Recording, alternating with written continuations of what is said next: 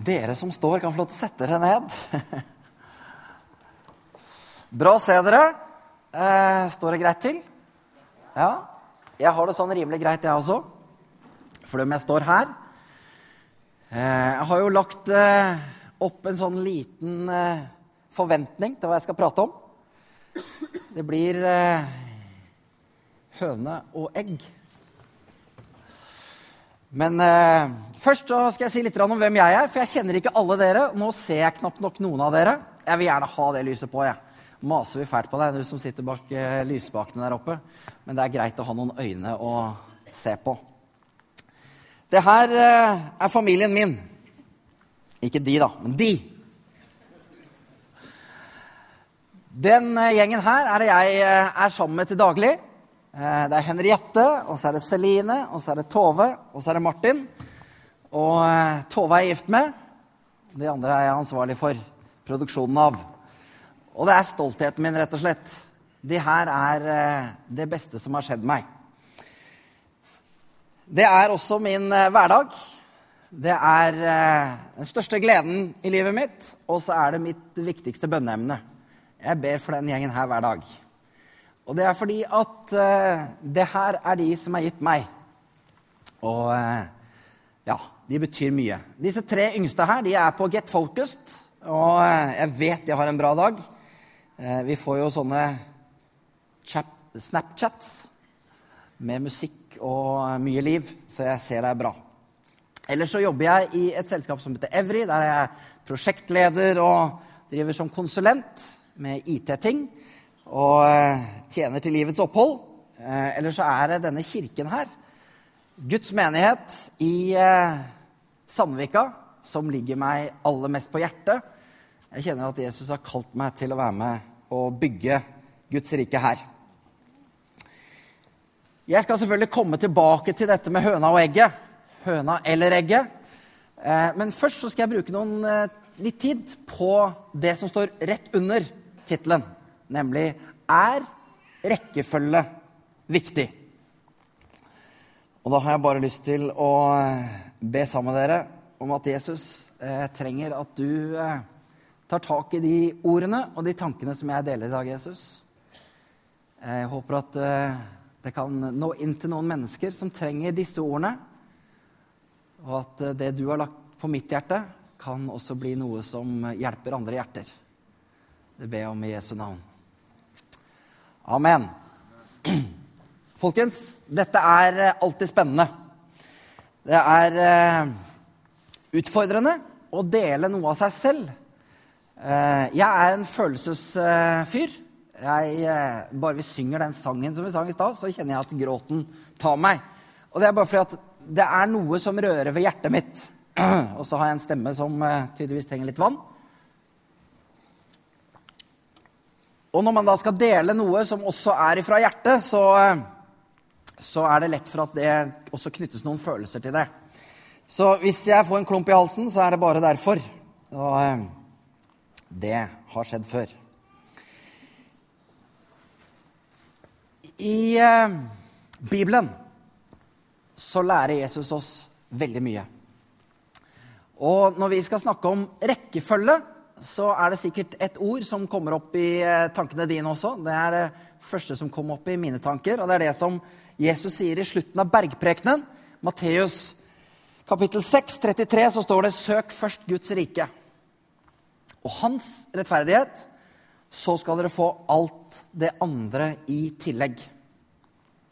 Og det er jo eh, noe vi har lært oss ifra vi var små barn, vi som har gått i menighet. Og eh, vi vet omtrent hva det betyr. Vi tenker at ja, det handler jo om å gå i kirken først. Kanskje kirke foran fotball? Eller kanskje det å gå på møte, det er det viktigste. Men det handler jo egentlig ikke om det. Det handler om hva er Guds rike? Vi som eh, er født i Norge, vi er opptatt av frihet.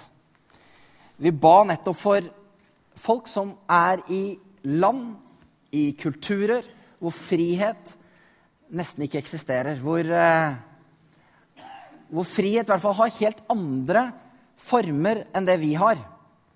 I mitt, eller i vår sammenheng så er ofte frihet assosiert med det å eh, ikke ha noen grenser.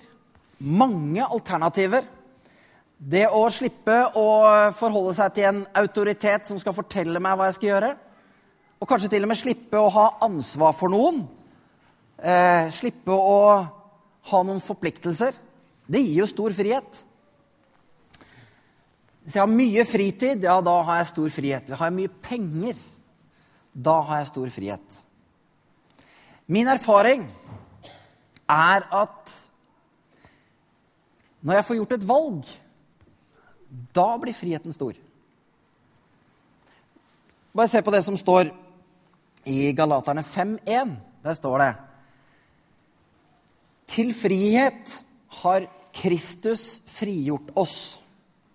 Stå derfor fast, og la dere ikke tvinge under slaveåket igjen. Når jeg gjorde et valg om å følge Jesus, da valgte jeg bort alle, alle andre alternativer. Har du tenkt på det? Jeg har jo egentlig som menneske alle muligheter til å velge akkurat hva jeg vil. Og så valgte jeg Jesus. Ja, jeg er født i en kristen familie. Jeg er født i Norge hvor det er tilgjengelig. Men allikevel, det var jo et valg. Jeg hadde også muligheten til å velge mye annet. Men jeg valgte Jesus. Og da sier min bibel at til frihet så har Kristus frigjort oss. Når jeg gjorde valget, det var da jeg ble fri. Jeg har også valgt å gifte meg med Tove. Det er kanskje den mest utfordrende tiden i livet. Det er når man har muligheten til å velge hva som helst. Når jeg skal ta et valg, fram mot et valg, når jeg har muligheten, eller kanskje umuligheten, så er det det som opptar meg. Så, hva skal jeg gjøre med det her, da? Og så har jeg valgt. Og så er det en helt annen frihet. Og Derfor så kan man tenke seg at frihet handler egentlig ikke om alle alternativene, men det handler om å velge rett. Da kommer friheten.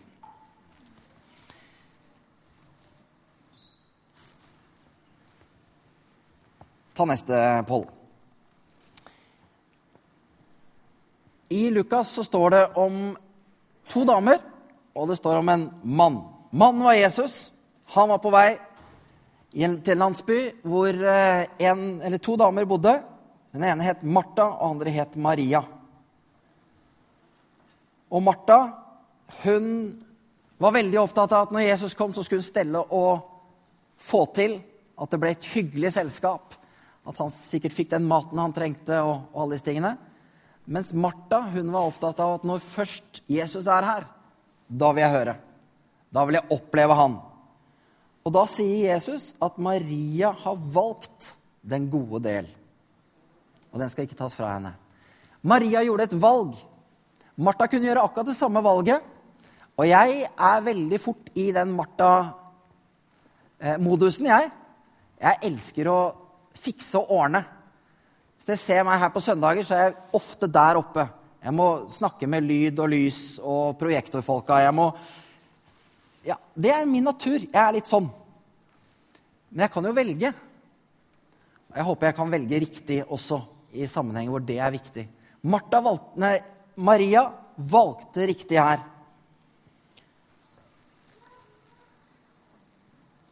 I mitt liv så har jeg stort sett fått lov til å ha folk rundt meg som har gjort at jeg har tatt det riktige valg. Men jeg har også gått på eh, noen smeller i forhold til valgene mine. En av de tingene som har vært vanskelig for meg i mitt liv, har vært å velge riktig i forhold til penger. Så jeg har tatt dumme valg i forhold til penger. Og når jeg liksom oppdager det, at jeg gang på gang møter meg selv til å ta de samme dumme valgene, så kommer jeg opp i nye valg. Hva gjør jeg med disse valgene? Og når man først da liksom klarer å innse at her har jeg en utfordring, her har jeg tatt dumme valg, så er det godt å kunne håper å si, krype til korset. Gå til Jesus med utfordringen. Gå til de nærmeste med utfordringen. Og i mitt tilfelle så har også noen utenifra vært viktige for meg i en sånn utfordring. Og så kjenner jeg det at ja, jeg fikk lagt det fra meg. Jeg har tatt et valg som etter mange dumme valg endte med et godt valg. Og hva skjedde da? Jo, da kom friheten. Så i mitt liv så har det vært en sånn greie. Og så er vi vanlige mennesker, vi som står her. Både vi som av og til står her oppe, og dere som sitter der akkurat nå. Vi er vanlige mennesker. Vi treffer vanlige valg. Og spørsmålet er hvor. Hvordan velger vi, og hva lar vi påvirke valgene våre? Jeg har noen helter i livet. Og de er ikke så veldig fjerne, men de første ser du her. Det er min mamma og pappa. De sitter borti her. Um, nå må jeg uh, svelge en gang til. Ja. Mamma og pappa er helter fordi når jeg vokste opp, så var det alltid mennesker i huset vårt som var annerledes. De var eh, alkoholikere der. Jeg husker til og med vi hadde flere mennesker som satt inne på livstid i Ila fengsel men som fikk permisjon og var hjemme hos oss. Vi har hatt eh, skal jeg kalle det, sosiale utskudd. Folk som ikke passet inn. Men de var hjemme hos oss på middag.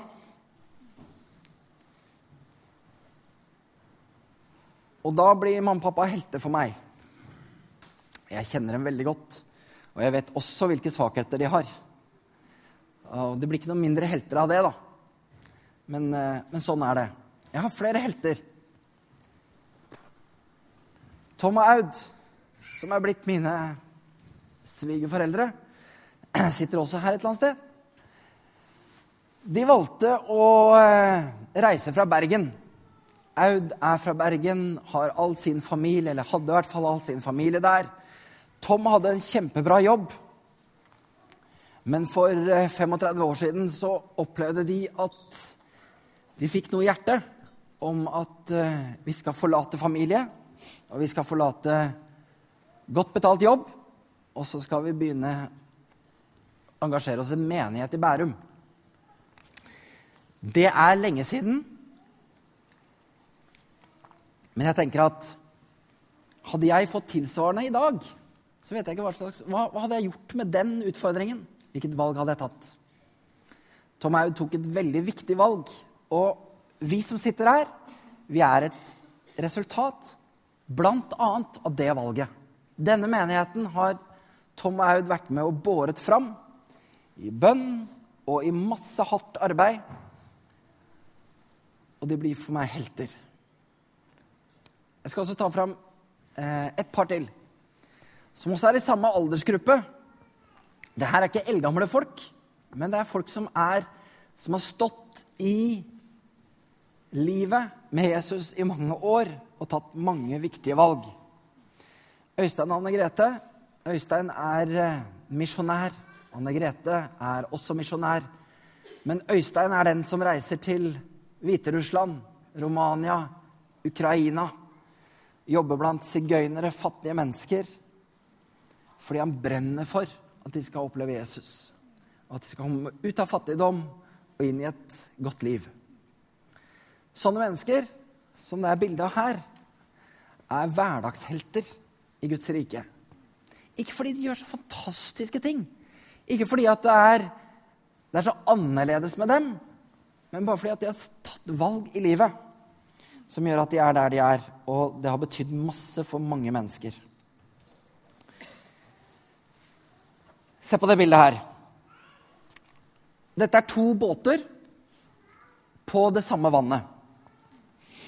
Det er havet. Det er et svær greie. Jeg hadde bare lyst til å sammenligne havet med livet vårt.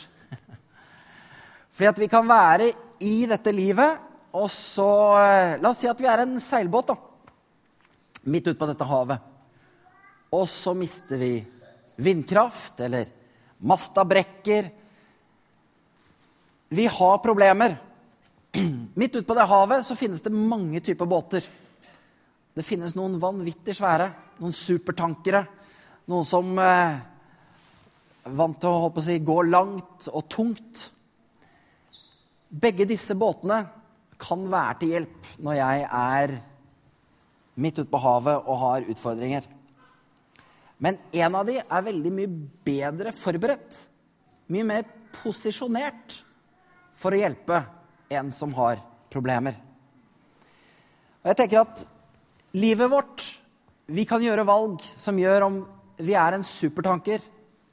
Vi går gjennom livet. Det er full fart framover. Det er et tydelig mål. Det er eh, Ja, vi vet hva vi vil, og vi vet hvor vi skal. Men vi blir nesten umulige i situasjoner hvor det trengs redning. Mens denne eh, redningsskøyta her, den er godt forberedt. Den kan gjøre krappe svinger, den kan sette høy fart. Og den har det utstyret om bord. Den er godt forberedt på å gjøre gode redningsaksjoner. Det er lett for oss å liksom bare havne i sånne mønstre av arv og tradisjon og Holde gode møter. Vi er kjempegod på gudstjenester, vi. Her vil folk være. Men hvis vi ikke hjelper folk, hvis det ikke blir til, til hjelp for deg, så er jo disse gudstjenestene her ganske meningsløse.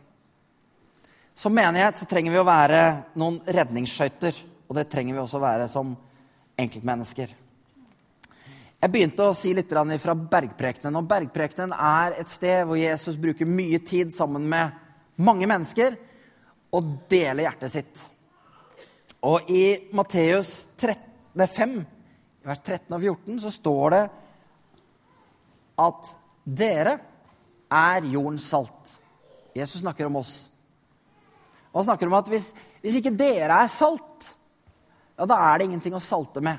Hvis ikke dere er de dere har, er blitt kalt til, hvis ikke, hvis ikke dere gjør de riktige valgene, hvem skal da gjøre valgene? Dere er verdens lys. Og det står at eh, dere skal være som en by på et fjell som folk kan se langt unna. Det er også et valg man må ta. Skal jeg være lys, eller skal jeg ikke være lys? Videre så sier han noe veldig spesielt. I mange vers, fra vers 21 til 48, så sier han gjentatte ganger Dere har hørt det sagt, men jeg sier dere. Dere sier, men, men jeg sier dere. Det sier Jesus om igjen og om igjen. Og det han snakker om, det er dere skal ikke slå i hjel, dere skal ikke bruke det ekteskap. Alt dette har dere hørt. Men jeg sier dere det er hjertet det handler om. Det er Vi kan budene. Vi vet at vi ikke skal slå i hjel. Jeg tenker at kanskje noe av det vi hører om dagen, og som Jesus kanskje utfordrer oss på, det er at eh, dere har hørt det sies at du skal ha et stort hus og en fin bil. Dere, dere sier at du må trene mye, du må se bra ut. Du må nå ditt fulle potensial. Bruk coaching, mindfulness. Dere skal nyte livet. Det er det verden sier til oss. Det er det hverdagen sier til oss. Det er det nyhetene og sånn sier til oss. Men la oss lytte. Finnes det noen flere valg? Hva ville Jesus sagt? Eh, husker jeg ikke hva som kom på neste. Kan ikke du bare klikke på den? Jo, det var et nytt skriftsted. I apostlenes gjerninger så står det Det har vist Alltid har jeg vist at vi må arbeide på denne måten og ta oss av de svake. For vi husker de ord Herren Jesus selv sa. Det er en større lykke enn å få. Når vi snakker om høna og egget, så snakker vi om hva er hva er riktig rekkefølge? Var det egget som fikk fram en høne? Eller var det høna som fødte, holdt jeg på sagt? La et egg. Hva skjedde først? I Guds rike så er det en rekkefølge som ofte er helt annerledes enn det som vi naturlig tenker. Her er en av de. Det er større lykke å gi enn å få. I Salmos ordspråk så står det det er Herrens velsignelse som gir rikdom. Eget strev legger ikke noe til. Helt sprøtt. Det er ikke det vi lærer når vi leser avisene. Det er ikke det vi lærer når vi coaches. Det er ikke det vi lærer når vi er på jobb og skal prøve å gjøre så godt vi kan. Da er det strev. Det er å jobbe på. Det er det som gir lykke. Bibelen sier noe helt annet. Til og med i Salmenes bok så står det i 127 eh, Forgjeves står dere tidlig opp og setter dere sent ned og spiser brød dere har slitt for. Det samme gir han sine venner mens de sover. Det høres ut som en grei måte å leve på. Det sier noe om Guds hjerte, Guds natur, og om å velge rett. Hvorfor i all verden skal jeg stresse? Hvorfor i all verden skal jeg prøve å presse ut av meg alt mulig? Når det finnes en Gud, han som har frelst meg, han som har skapt meg, som sier at 'jeg skal gi deg de søvne'. Bare søk mitt rike først. Ta de riktige valgene. Velg rett. Velg meg.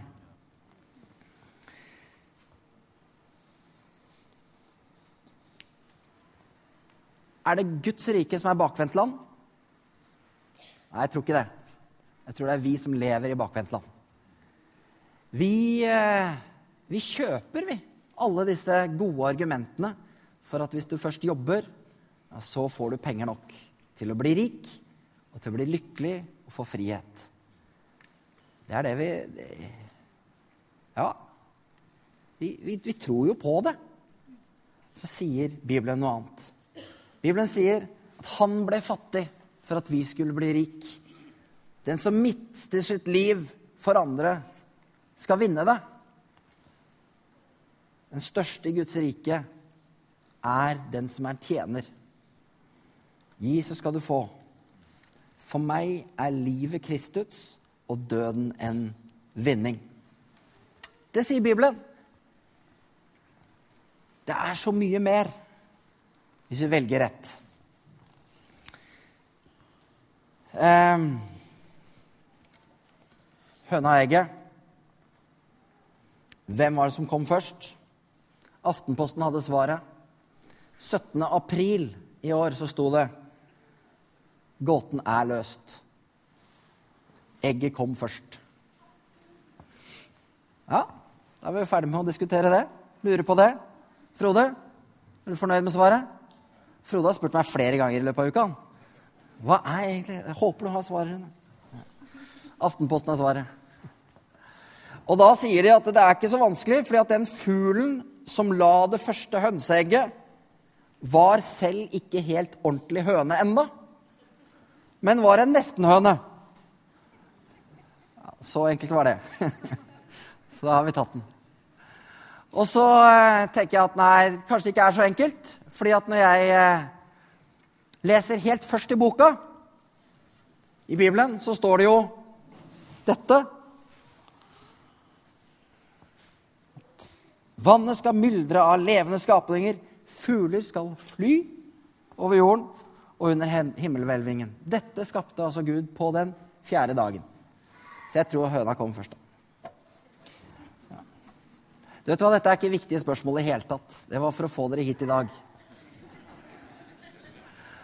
Så jeg har ikke svaret på om det var høna eller egget. Men det jeg er helt overbevist om, det er at det finnes veldig mye, mange viktigere valg å ta. Å finne ut av hva er det som faktisk betyr noe.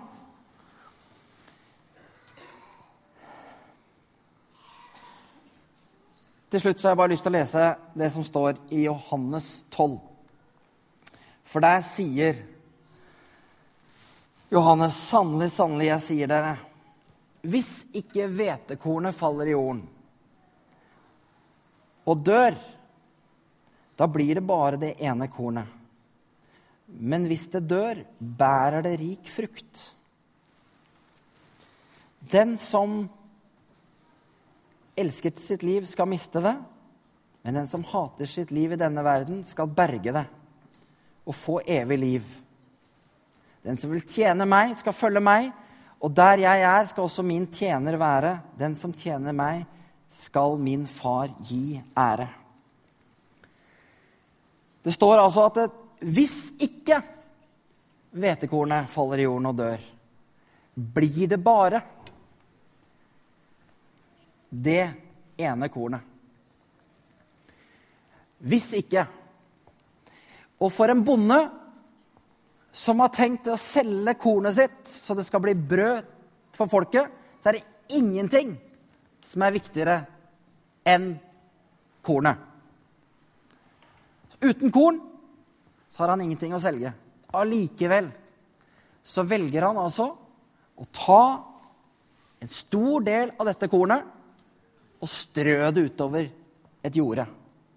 Så det viktigste han har, det eneste som faktisk kan redde økonomien hans, som er det viktigste han driver med, det velger han å strø utover et jorde.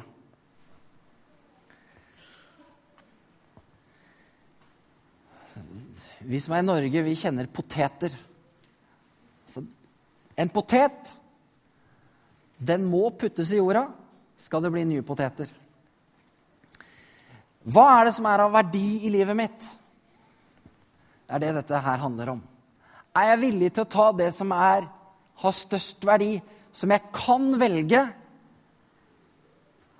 å spare til jeg kan selge det en gang? Er jeg villig til å så det? Er jeg villig til å strø det ut? Er jeg villig til å ofre det på den måten som, er, som gir verdi i en helt annen skala? Jesus var villig. Gud var villig. Han sa at 'jeg er villig til å sende min eneste sønn'. Det var hans høyeste, største verdi. Og hvorfor gjorde han det? Jo, fordi han så deg og meg. Jesus er vårt forbilde. Jesus han er eh, den som har vist veien. Og jeg tenker at vi som kristne står jo overfor en, et valg om å si 'Jesus, jeg vil følge deg fullt og helt'. Eller bare lite grann. Det å følge Jesus fullt og helt handler jo ikke om å gi opp alt, men det handler om å investere det som har størst verdi i livet ditt, for at andre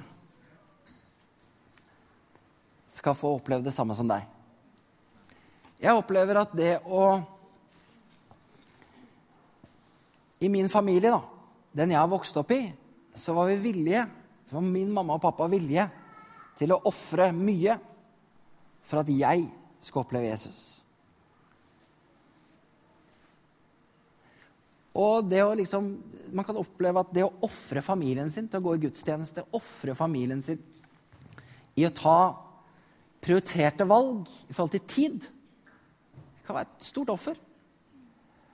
Men min erfaring er at det lønner seg.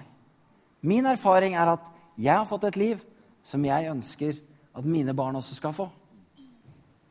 Jesus han var villig til å dø, gi alt for at alle vi skulle få oppleve Jesus. Og vi som har opplevd Jesus, vi ønsker ikke å gi slipp på han for alt i verden. Men det er mange som ikke har opplevd Jesus. Hva kan vi da gjøre for dem? I går kveld så var vi på bursdagsfeiring for, eh, for en av eh, lederne våre her. Etter bursdagsfeiringen så eh, var vi med å rydde opp, og det ble litt sent utpå kvelden. Og så gikk vi ut. Det var borte i kirken. Og Tove og jeg vi gikk ut, og så plutselig så, eller plutselig, så står det en kar på hjørnet utafor gjerdet utenfor kirken og sa Kom, her, jeg har et spørsmål. Kan jeg spille deg et spørsmål? Gutt i 30-årsalderen, tenker jeg. Han hadde vært på tur. Han var ikke edru. Og så sier han at kirkegreiene vet du, Jeg er så redd for den kirken, sier han. Og så begynte han å snakke om hvor vanskelig det var å tro inni seg. For han trodde på Jesus. Jeg tror på Jesus, jeg tror på Gud, vet du. sånn. Men eh, det er så vanskelig. Jeg har gjort så mye dumt. Og så ramsa han opp masse dumt. Men han var pent kledd. Kunne virkelig snakke for seg, fordi om han hadde drukket altfor mye, så skjønte jeg at her var en smarting. Men bare fordi at det var noen som gikk ut av en kirke akkurat når han gikk forbi, og han hadde drukket litt, så var det med en gang Å, oh, jeg, jeg, må spørre de folka her om Jesus. Jeg må finne ut av det. Og så fortalte han at ja, nå skal jeg snart bli pappa. vet du, sånn. Jeg kan ikke fortsette å drive og ruse meg sånn. Jeg kan jo ikke ha det sånn. Jeg trenger jo egentlig det dere har der inne. Men så tør jeg ikke, for det er farlig og skummelt. og... Da det finnes så mange mennesker som er i akkurat den kategorien. Det handler om at vi som har tatt ett valg, nemlig vi vil følge Jesus, tar flere valg, som kommer til å ha verdi for de folka rundt oss. Så jeg har bare lyst til å dele det med deg at jeg har en vei å gå. Jeg har eh, tatt mange dumme valg. For det om jeg ser bra ut sånn, har det riktig, jeg har klær, jeg har samme skoa som pastoren og Jeg har liksom Ting er på stell. Jeg har hus og bil, jeg. Men jeg har tatt veldig mange dumme valg midt i det her livet. Og så har jeg fått tatt noen veldig gode valg som gjør at i dag så kjenner jeg at jeg er fri. Jesus elsker meg. Jeg har en fantastisk familie. Men Jesus utfordrer meg på nye områder. Står du midt i sånne valg, et eller annet slag, så ønsker jeg bare å være med og be en enkel bønn for deg. Sammen med deg. For det handler om eh, ditt liv, og så handler det om de rundt deg sitt liv. Og så kan det handle om veldig mange andre sitt liv. Jeg vet ikke hva Øystein Husvik tenkte når han var 18-20 år. Om han så for seg selv blant fattige sigøynere i Romanias landsbyer tenkte at ja, det er der Gud har kalt meg. Jeg tror ikke det. Men han tenkte at Jesus vil jeg følge. For han hadde også noen foreldre som hadde gitt mye. Som hadde tatt mange viktige valg. Og hva har ikke Øysteins valg, og egentlig da både hans, best, hans foreldre og besteforeldres valg, betydd for mennesker i det fattige delen av Romania? Det er jo, det er perspektiver, det. Men det er fordi at en helt vanlig mann, som jeg kjenner godt, og som mange av dere kjenner, tok noen enkle valg. Det er de enkle valgene der som jeg ønsker at du får muligheten til å ta her i dag og i dagene framover. Så Jesus, jeg har bare lyst til å løfte opp hver eneste en som sitter foran meg her, Jesus. Takker deg at du vet hvilke valg vi står i. Du vet hvilket kall du har lagt over livet vårt. Kanskje det er synlig, kanskje det er helt usynlig. Kanskje det ikke er noe mer enn at du banker på hjertet akkurat nå og sier at 'Jeg vil inn hos deg. Jeg vil at du skal ta imot meg som din frelser'. Jesus, jeg bare